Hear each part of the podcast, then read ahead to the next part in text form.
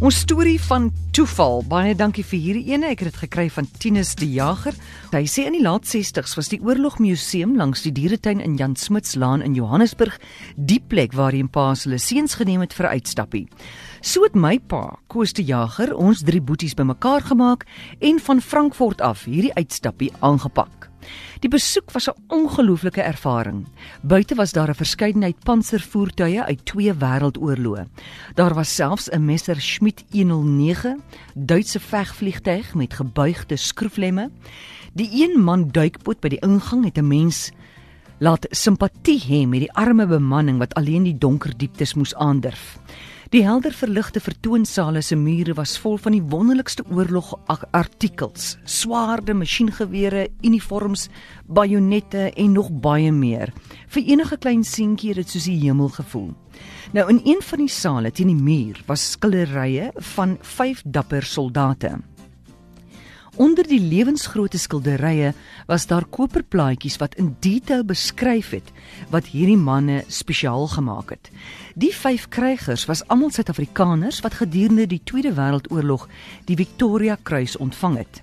Die Victoria Kruis is die hoogste en belangrikste toekenning wat 'n weermaglid kan ontvang. Dit word verdien deur uiterste dapper optrede in die gesig van die vyand gedurende konflik. Nou een van die manne het ons aandag getrek. Dit was luitenant Norton. My pa het my gevra om die woorde op die koperplaat hardop te lees sodat my boeties ook die storie kon hoor.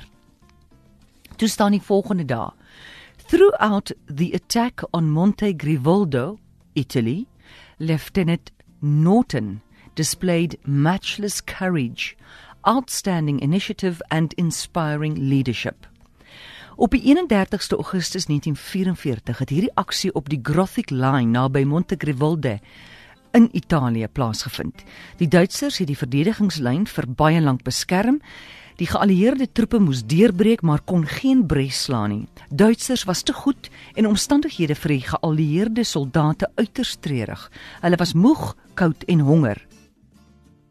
Oorkant luitenant Norton se peloton was haar twee Duitse masjiengeweerneste in betonbankers. Ons held het besluit genoeg is genoeg en het alleen opgespring uit die loopgraag loopgraaf en vorentoe gehardloop. Sy makkers het kruisvuur gebied en hy kon daarin slaag om die eerste bunker te vernietig. Hy storm die tweede bunker en word swaar gewond. Tog kry hy dit reg om die bunker met sy 15 vyandelike troepe oor te neem. Die vyand wat oorleef het, is deur hom gevangene geneem. So is die eerste bres in die Duitse verdedigingslyn geslaan. Ons was almal in verwondering oor hierdie dapper optrede van luitenant Norton. Ongemerk het daar ander mense by ons groepie aangesluit en almal het toe nou geluister na my voorlesing. Toe val lig. Ek voel 'n ferm hand op my seentjie skouer. That is me, son. Luitenant Norton in lewende lywe nog net so formidabel soos die foto. Miskien 'n bietjie gryser. Ons monde het opgeval. Suid-Afrikaanse vriende het hom vertel dat sy foto in die Oorlogmuseum hang. Hy het sopas in Johannesburg aangekom uit Rhodesië. Almal het nader gekom om hierdie dapper verhaal uit sy mond te hoor. Kaptein Gerald Norton was toe 'n tabakboer so 100 km van Salisbury in Rhodesië. Hy het geboer op 4000 akker, meestal tabak. Hy's gebore op 7 September 1915 in die Oos-Kaap en oorlede op 29 Oktober 2004 in die ouderdom van 89 in Harare. Mugabe het in die laat 80s hulle plaas onteien. Vandag baie jare later kan ek nog steeds nie die wonderlike ontmoeting vergeet nie.